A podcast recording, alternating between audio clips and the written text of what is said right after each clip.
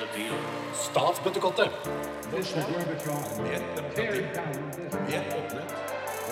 Statsbøttekottet. Hei og velkommen til en ny episode av Statsbøttekottet.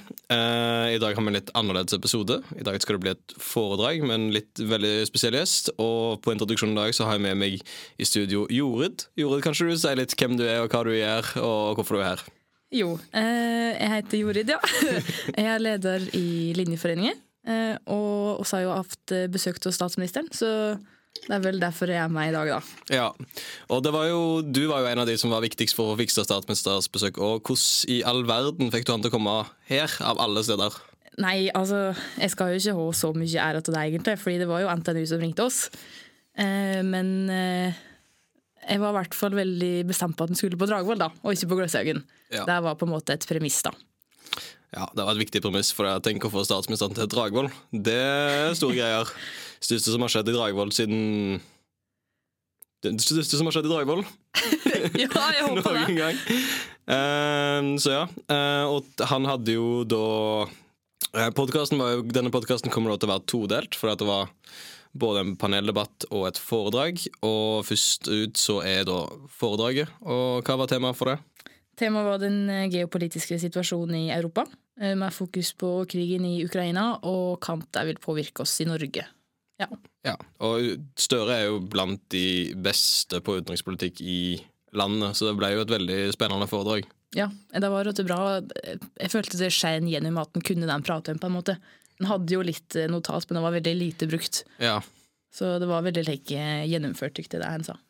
ja. Så da tenker jeg det bare å glede seg til å høre, og da kan vi kjøre foredrag.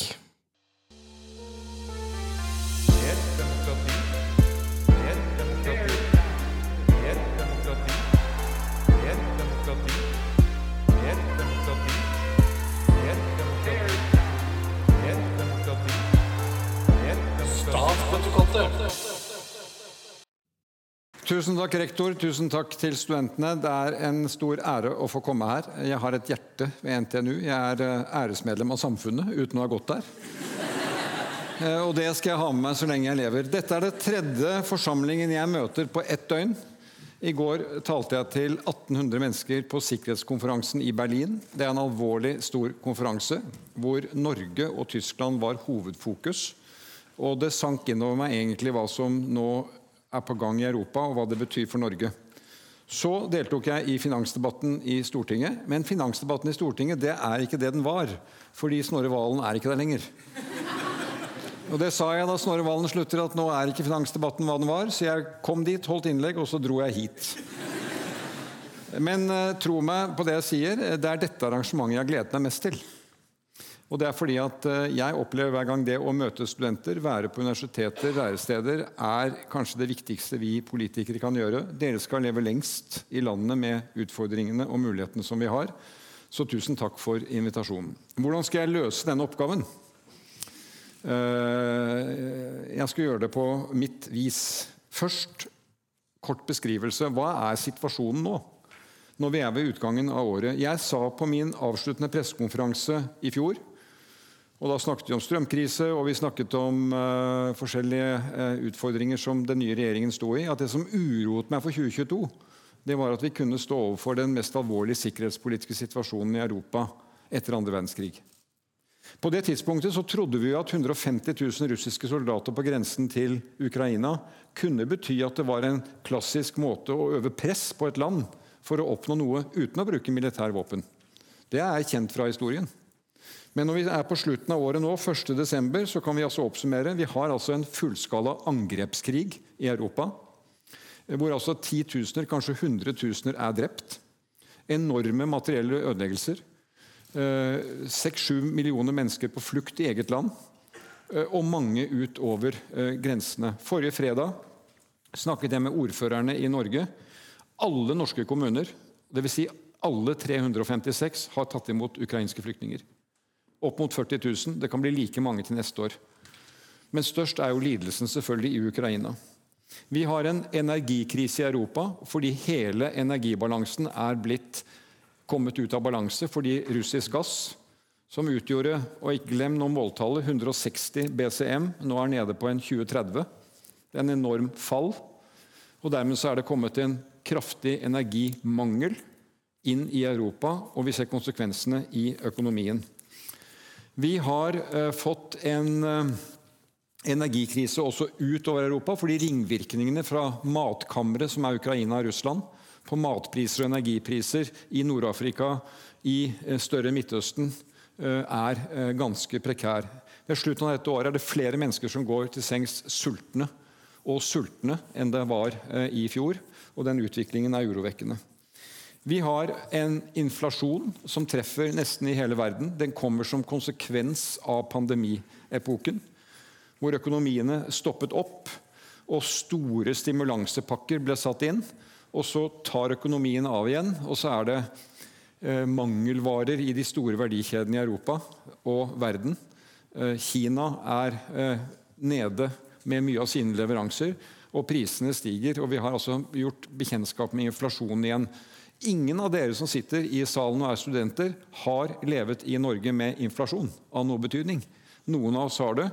Og På slutten av 80-tallet var det jo slik at vi hadde renter på en 15-20% og høy inflasjon. Det er en kraftig utfordring for et samfunn. Sammen har vi også, som rektor sier, en klima- og naturkrise, markert på Sharm el Sheikh, miljøkonferansen for to uker siden. Jeg var der og så alvoret i den utviklingen som er. Nå kommer naturtoppmøtet i Canada senere denne måneden. Så egentlig så er bildet av det vi tegner, det er summen av alt dette. For alle disse tingene kommer samtidig, og de treffer alle land. Så hvor står Norge? Hvor står alle land? Det er knapt noe land som ikke er berørt av det. Og hva da med Norge? Hvordan skal vi se på oss selv? Lars Korvald, som var statsminister tidlig på 70-tallet, han hadde en setning hvor han sa at Norge er et lite land i verden. Jeg bør ikke gått på NTNU for å si det.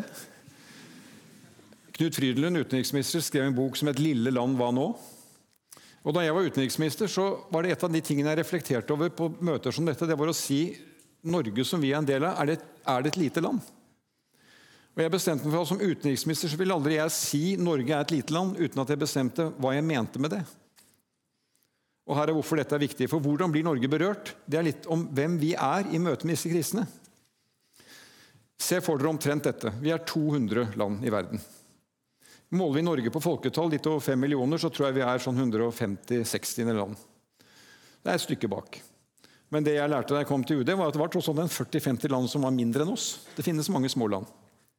Tar vi Norges kvadratkilometer på land, så tror jeg vi er sånn under 100. Da kommer vi liksom på den øvre hundredelen. Men tar vi Norge med hav og land, altså kontinentalsokkel, økonomisk sone, alt det som er Norge, kombinert hav og land, så er vi blant de 20 største i verden. Ikke et lite land. Og hvis vi tar vår plass, vår plass som eksportør av gass, olje, sjømat, så er vi blant topp tre, fire, fem. Ikke et lite land. Og vi har verdens største pensjonsfond. Verdens største sovereign wealth fund. Så på en del områder er vi små, på en del andre områder så er vi altså ganske store. Det må vi ha med når vi skal vurdere hvordan Norge blir berørt. Og så er det et siste element som jeg vil ta med, som jo er statsvitenskapens uh, element, nemlig at du velger ikke din geografi. Vi ligger der vi gjør. Vi har våre naboer.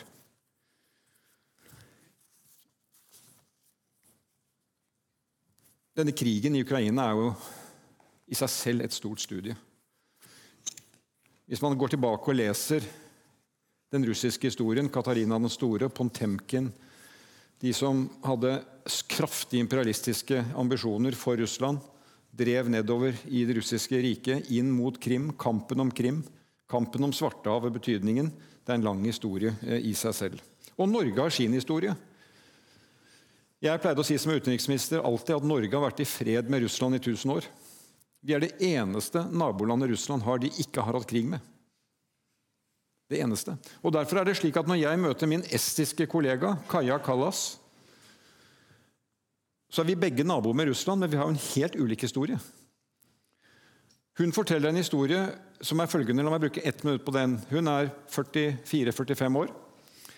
Og hun forteller om sin bestemor som i 1946 ble deportert fra Estland til Sibir under Stalins eh, regime. Og Moren hennes var da et nyfødt barn i armene på bestemoren. Og fordi de fikk en bøtte melk på en togstasjon på den veien, så overlevde de. Det er hennes historie. Og Så kommer hun også tilbake igjen til Estland en gang på 70-tallet med familien og etter hvert når hun ble født, og vokste opp der. Og nå er hun statsminister i Estland. Og Hun satt på mitt kontor hjemme i min bolig, i statsministerboligen, og så sa hun Jonas, jeg kan våkne om natten og tenke at kanskje er de her i morgen tidlig. Og Da sa jeg til henne at det gjør ikke jeg. Det hender jeg våkner om natten, men jeg tenker ikke det. Nei, det er alvor. Jeg kan tenke på alvorlige ting, men jeg tenker ikke på det. Det er forskjellige historier. Men det forholdet at et naboland til Norge har gått til fullskala angrepskrig på en annen naboland, det er et fundamentalt veiskille. Fordi Europa, som vi har vært vant til, har jo verktøykasse til å håndtere alle mulige politiske problemer, uenigheter. Vi har folkerett, og vi har domstoler og vi har voldgifte som kan håndtere ting. Men fullskala angrepskrig har vi altså ikke terskel for. Så det er et absolutt historisk veiskille. og Det betyr at veldig mye ikke kan bli normalt. og For meg så er dette egentlig en personlig reise i det forholdet til Russland. For de ti årene jeg var utenriksminister, de første årene, fra 2005 til 2010, så viste statistikken at det var ingen utenriksminister jeg møtte oftere etter min svenske kollega enn den russiske. Og vi bygget videre på den åpningen som kom etter at Berlinmuren falt. Og Vi forhandlet en lang rekke avtaler, lang rekke grensepasseringer, og vi fikk etter 40 år enighet om delelinjen i Barentshavet. Og Norge og Russland inngikk da en avtale som delte 170 000 kvadratkilometer i to, 50-50, og trakk linjen etter den mest moderne havretten. Og Da pleide jeg å si på den tidspunktet at i 2008 gikk Russland til krig mot Georgia, et fjelland på fire millioner innbyggere. Og i 2010 så forhandlet de og signerte en moderne havrettsavtale med et annet land på fem millioner innbyggere, Norge. Det er også Russlands paradoks. Og nå går de altså til angrepskrig på et annet naboland, så dramatisk som det er. Hvilken betydning har da det for oss? La oss begynne med det helt åpenbare forsvar. Vi må ta vare på vårt eget forsvar. Vår sikkerhet er basert på at vi har et forsvar som er oppdatert, og det er avhengig av at vi har en allianse, Nato, som vi gir oss sikkerhet. Vi har i løpet av året styrket det forsvaret med mer kapasitet å seile, fly og følge med. Vi ser ingen trussel direkte mot Norges grenser i nord. Tvert imot så er det som er skjedd i nord, det er at Russland har flyttet veldig mange av de styrkene de hadde på Kola og utstyret, til Ukraina. Og etter det vi vet, så kommer veldig mange av de soldatene aldri hjem igjen, for de er drept i den krigen. Så nær er det drama. Men like fullt så er det verdt å følge med på, og det er vårt ansvar i Nato å være Natos øyne og øre i nord. Det betyr også at når vi planlegger fremover for eget forsvar, så må vi tenke da ut fra at vi skal styrke det og være relevant i forhold til den sikkerhetspolitiske situasjonen. Fundamentalt skille i Norden. Sverige og Finland vil bli medlem av Nato. To land med nøytralitet, alliansefrihet av ulike årsaker. Sverige i 200 år velger å gjøre dette skiftet. Og det er én ting å merke seg. Skiftet begynte med Finland, egentlig. Og det begynte ikke med 24.2 og krigen. Men det begynte med at Russland på denne tiden i fjor sa at for å unngå krig, så krever vi at ingen land i fremtiden kan søke medlemskap i Nato. Og da var det den finske presidenten. Og igjen, hvis far hadde kjempet i vinterkrigen i Finland Vi har alle ulike historier. Han holdt sin nyttårstale hvor han sa at dette er helt uakseptabelt. Vi kan ikke ha en annen land som bestemmer hva vi kan og ikke kan. Og Jeg har snakket med han så jevnlig, den finske presidenten, senest eh, på flyplassen i Oslo på vei hit, hvor vi har nær dialog. Da tror jeg han bestemte seg for at Finland må ta det valget. Norden truer ingen, men med Finland i Nato så får vi den lengste landegrensen i Europa inn i Nato mot Russland. Ganske annerledes enn det Russland så for seg. Så Det er en ny realitet, og det er på en måte Forsvaret. Forsvaret av Norge, tanken om hvordan Norden sameksisterer, blir jo annerledes hvis alle fem nordiske land er i Nato. De siste 10-15 årene har vi samarbeidet mye nærere om forsvar og sikkerhetspolitikk, men nå er vi på vei inn i samme allianse, samme system, samme rutine. Og det kommer til å gi en styrket sikkerhet. Så er det energi. Norge leverer gass til Europa. Og jeg har ofte tenkt slik at vi, i de årene vi leverte omtrent 30% av Europas gass, så kunne man si det følgende for å illustrere et viktig poeng i statsvitenskapen. Vi, Europa kjøper 30% av sin gass fra Norge. Vi selger 100% av vår gass til Europa. Hvem er mest avhengig av hvem? Det er en illustrasjon av gjensidig avhengighet. Våre gassrør går bare ett sted. De går til Europa og til Storbritannia. Vi kan ikke svinge det et annet sted. Det er den veien det går. Vi er knyttet sammen. Så da krigen kom og Russland begynte å redusere gasstilførselen, og det begynte de for øvrig med ikke etter 24.2, men de begynte i fjor høst For Russland eide gasslagrene i Europa. Gazprom eide dem, og de holdt dem lave. Og energiprisene begynte å stige. Og Norge opplevde jo da en realitet at de norske elektrisitetsprisene sør i landet er direkte koblet på gassprisene i Europa. Fordi vi er såpass integrert. Og Det har egentlig ikke vært noe problem, fordi gassprisene har vært helt stabile gjennom alle disse årene, og vi har hatt lave strømpriser. Så begynte prisene å gå opp sånn, omtrent samtidig som jeg ble statsminister. Ja. Da kom pandemien tilbake også, så det var litt av hvert. Eh, for oss som bor i sør, så er det ikke noe å le av, for å si det sånn. Men eh, det var på en måte den, den, utfordringen som kom. Og Det første som skjedde etter 24.2, det var jo at europeiske ledere ringte til Norge og ringte til meg og sa kan Norge fortsatt levere? Kan dere levere mer? For dette er jo den store utfordringen. Det mangler energi. Og så har det vært viktig å minne Europa om at det er ikke jeg eller regjeringen som selger gass. Det er de selskapene som har fått lov til å lete etter gass, som gjør det. Når de får en lisens, så er det de som eier gassen og har ansvaret for å produsere den, markedsføre den og selge den. Og så betaler de en høy skatt til fellesskapet, til oss. Men samarbeidet mellom myndigheter og selskaper har ført til at Norge har økt sin eksport av gass til Europa med nesten 10% Det utgjør, for de av dere som har de tallene i hodet, de 10 prosentene, 8 prosentene, utgjør 100 TWh. Og hvis dere tenker at all norsk vannkraftproduksjon er ca. 140 TWh, så er 100 veldig mye. Og Det betyr at når Tyskland og de andre landene nå har fylt opp sine gasslagre til over 90% så er det bare mulig fordi Norge har levert den gassen. Så viktig er det. Så det har Norge gjort. Og vi kommer til å gjøre det vi kan for å opprettholde det høye nivået. Så kommer spørsmålet må prisene være så høye. Kan Norge gjøre noe med det? Og det er en diskusjon som går i Europa. Hvor står Norge? Hvordan blir vi påvirket? Fordi med høye priser så tjener jo Norge som selger denne varen, penger på det. Og til det så er svaret fra oss det er ikke i Norges interesse at det er høye og ustabile priser på energi i Europa. Tre grunner. Det ene er at det fører til høye energipriser i Norge og skaper ustabilitet for det for familier og bedrifter. Det andre er at når det går dårlig med europeisk industri, så treffer det norsk næringsliv. Og det tredje er at når det blir sosial uro i Europa, så er det klart at det har betydning for våre, vår sikkerhet, for det er våre partnere. Så vi skal opprettholde den høye, eh, høye andelen. Og vi leverer nå 50% av Tysklands gass. Halvparten. Og resten kommer fra LNG, flytende gass, og litt fra andre kilder også, så dette er stor betydning. Så kom en annen dimensjon med sabotasjen mot Nord Stream-ledningen i Østersjøen. Og Fokuset skiftet seg raskt til oss. Hva med norsk sikkerhet på sokkelen?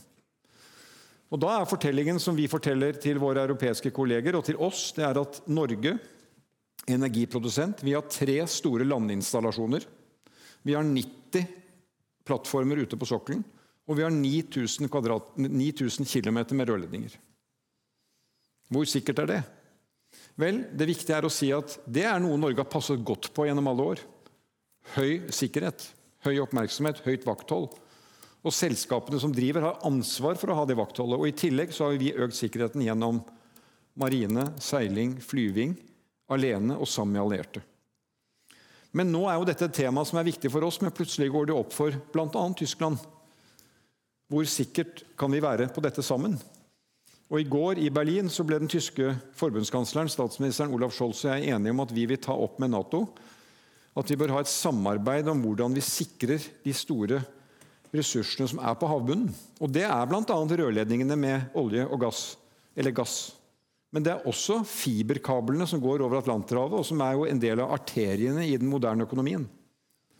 Så det er klokt å samarbeide om å øke sikkerheten for det. Og Dere har også fulgt med at vi har hatt droner i Nordsjøen. Eh, de ser vi ikke lenger nå. Vi har sensorer på alle plattformer. Vi har fly som følger med. Eh, og vi har skjerpet sikkerheten eh, for den retningen. Men så igjen, hvor står Norge? Hva er det umiddelbare utfordringen i Europa nå? Det er å komme gjennom denne vinteren. Men vel så urolig så er de hvordan er de neste vinter? For Når vi kommer til neste sommer, så vil jo gasslagrene ha gått ned, og så skal de fylles opp igjen. Hvor kommer den gassen fra? Det er det de planlegger å arbeide for nå. Men dette er jo egentlig det kortsiktige. Akkurat som strømstøtten som vi utbetaler nå, 50 milliarder kroner i året. Det er jo egentlig et plaster på såret, for utfordringen er at vi mangler energi. Og Her kommer det siste da som jeg vil dvele ved med dere. Det er jo det paradokset at denne tragedien i Ukraina har den effekten at det er en kraftig påskynding av det vi må gjennom, nemlig et energiskifte. Vi må bygge mer fornybar kraft, som ikke slipper ut klimagasser og bidrar til klimaproblemet. Så på en paradoksal måte så er jo krigens tragedie en akselerasjon av det vi må gjøre uansett. Den tyske regjeringen har ambisjon om å bygge vind på land på 2% av territoriet i Tyskland. 2% er et lavt tall, men det er veldig mye. Og de skal opp i en kjempestor andel. Slik at dette med avhengigheten av gass er jo en relativt begrenset periode, men en kritisk periode de neste 5-10-15 årene. Og der skal Norge være. Men vi skal også være i det neste kapitlet. Og Regjeringen har jo lagt ambisjonen nå om å bygge da like mye havvind, kraft fra havvinden, som vi har fra vannkraften, omtrent. Og vi begynner med det nå. Og jeg merker bare det. Det er en del av dagliglivet. Det er mange ting å, snakke om etterpå, Snorre, men en dagligliv når du kommer inn som statsminister og du ser hva er administrasjonen vår. Etter noen uker så sa jeg til regjeringsråden har vi den energiadministrasjonen vi trenger for det enorme skiftet vi er i nå hvor det er masse konsesjonssøknader om å bygge ut kraft, bygge nytt ledning i nett og gjøre ting? Og svaret er nei. Så En av de satsingene til statsbudsjettet det ikke snakkes så mye om, og det er greit, det er 120 millioner kroner for å styrke kapasiteten i NVE, OED, de som jobber med dette. Og Dette ser de i alle land, at den kapasiteten må opp. For vi er i en enormt stor energiomstilling. Og Her er det jo igjen at Norge har store, store muligheter hvis vi griper dem. Punkt 1. Vi kan produsere masse mer fornybar kraft fra vind på land. Kontroversielt, men vi kan gjøre det på en mer harmonisk måte. Vind til havs. Vi har jo enorme områder i havet vi kan utvikle. Krevende teknologisk fordi det er på store dyp, og derfor må det være flytende havvind og ikke fast havvind. Solkraft, tro det eller ei, kommer til å bli en veldig viktig norsk energikilde fram mot 2050. Kanskje like viktig som vind, fordi teknologien åpner for det. Og så har altså Norge arbeidet med i 20-30 år å fange og lagre CO2. Og det er ingen klimaforsker som kommer fra naturvitenskap eller økonomi eller samfunnsvitenskap som kan peke på at vi kan nå klimamålene i verden mot 2050 hvis vi ikke klarer å fange CO2. Og Det skyldes at vi da kan fange CO2 fra gass når vi bruker gass, enten til å lage hydrogen eller til å lage elektrisitet på annen måte. Men det finnes mange deler av vår økonomi hvor du ikke klarer å redusere utslippene etter at du har gjort all teknologi mulig, f.eks. avfall. Og sementproduksjon så vil det uansett være det du på engelsk kaller 'hard to abate'. Det er ikke mulig. Da må du inn og fange den og lagre den. Og Det har Norge drevet med siden 90-tallet. På Sleipner-plattformen og på Snøhvit-plattformen siden 2000. Nemlig vi tar ut CO2 og vi pumper det ned igjen 2500 meter under bakken og vi kan dokumentere at der blir den. Og I Øygarden utenfor Bergen nå så er det første helanlegget for dette, som er det store Langskip-programmet som vi partier, alle partier har vært enige om å utvikle, klar for å ta imot CO2 og deponere det. Og Det interessante i regjeringsarbeidet er at vi behandler noen søknader fra selskaper som vil bore etter gass. Vi behandler også søknader fra selskaper som vil bore etter å kunne deponere CO2. Også dette er nå på dagsorden i Europa som følge av krigen. Og Det mener jeg er spennende, og det er en mulighet vi også må se på fra norsk side. Så til slutt. Norge blir berørt på mange måter. Vi skal nå våre klimamål i 2050. 50, 2030 55% kutt. Vi skal gjøre det med Europa. Vi er i avtale om det. Men at Norge når sine, når sine mål, det sier seg selv, men det har liten betydning i verden. Verden slipper ut ca. 50 milliarder tonn CO2 i året. Norge litt under 50 millioner. Og når vi skal kutte med 55% så blir det halvparten av 50, 50 millioner. Vi skal ned der. Men verden er altså 50 milliarder. Men Norge kan redusere sine klimagassutslipp på en måte som også får betydning for verden. Hvis vi klarer å utvikle havvind, fangst og lagring av CO2 og disse nye, store teknologiene som må til. Jeg nevner det, for jeg tror det også er en konsekvens av den geopolitikken vi er i nå. Vi må frigjøre oss fra de fossile energikildene. Den nye tiden er det fornybare, i en kombinasjon som sikrer også stabilitet. Så til slutt. Vi har verdens største pensjonsfond, og Norge har inntekter som følge av at energiprisene er høye. Det er ikke Norge som setter energiprisene.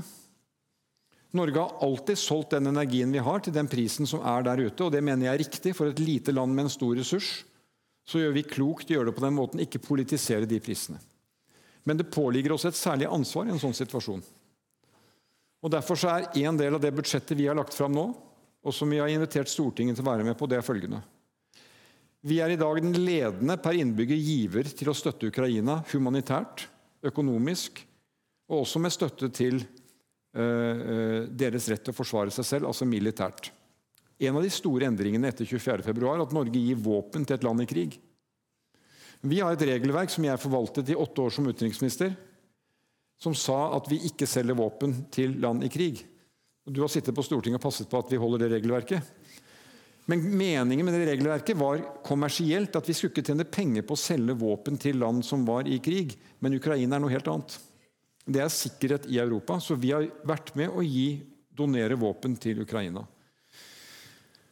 Men det vi må gjøre nå, etter regjeringens mening, og jeg tror vi får Stortinget med oss på det, det er at vi over jul, inn i nyåret, skal annonsere et betydelig økonomisk bidrag til Ukrainas gjenoppbygging. Krigen er ikke over. Vi vet ikke hvordan utviklingen vil være, men Norge skal være i front på det. Det bør være et bidrag som er betydelig i 2023 og noen år fremover, la oss si fem.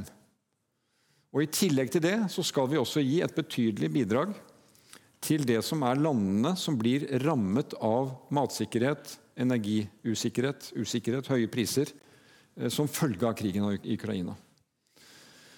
Da vil beløpet til Ukraina være større enn det andre, for det andre kommer på toppen av et bistandsbudsjett som er eh, stort. Men det er også et ansvar som Norge nå må ta. Det er en konsekvens av hvordan den geopolitiske spenningen er. Jeg tror det forventes at Norge gjør det. Det følger med det ansvar. Så Det siste jeg da vil si, gode dere eh, og til rektor, bruk oss. Ja, det er helt riktig det som NTNU, NTNU gjør nå, med å se sammenhengen mellom fagene. Jeg håper det jeg har fortalt dere nå, er sammenheng mellom dimensjoner. Det er sammenheng mellom vår situasjon som energileverandør, geografisk hvor vi ligger, eh, teknologien vi har til å skape energi, kutte utslipp, og det vi sparer i et pensjonsfond, som skal egentlig vare evig. Det er jo meningen med det fondet til kommende generasjoner. Så vi må faglig, og dere som er her, kommer til gjennom yrkeslivet, se hvordan disse tingene henger sammen. Og Vi kan ikke la teknologene som jobber med å utvikle olje og gass, sitte for seg selv. De vil ikke det heller. Men de må være med å levere løsningene vi skal for å komme ut av denne klimautviklingen som er. Og statsviterne av dere, dere må være med å utvikle hvordan samfunnet vårt kan leve videre med små forskjeller med muligheter for alle. Og denne velferdsstaten vår, som nå blir også satt under press, det er europeisk oppfinnelse. Velferdsstaten er ikke noe som du trekker ut av en skuff, det er en europeisk oppfinnelse. At den kan videreføres når vi får flere eldre, flere oppgaver utsatt for dette. For glem ikke det. Norge er kanskje det landet i verden med mest åpen økonomi. Vi tenker ofte ikke på det, for vi tenker at vi er trygge i vår lille hjørne. Men vi har en økonomi som er veldig åpen, veldig påvirkelig av hva som skjer rundt oss, på godt og vondt. Og det er menneskene som til syvende og sist gjør en forskjell. Derfor så må vi folkens, være optimistisk. Fordi menneskene kan gjøre gode ting, og vi kan gjøre om det som ikke er godt. Og Derfor så venter det store oppgaver for oss. Tusen takk for oppmerksomheten.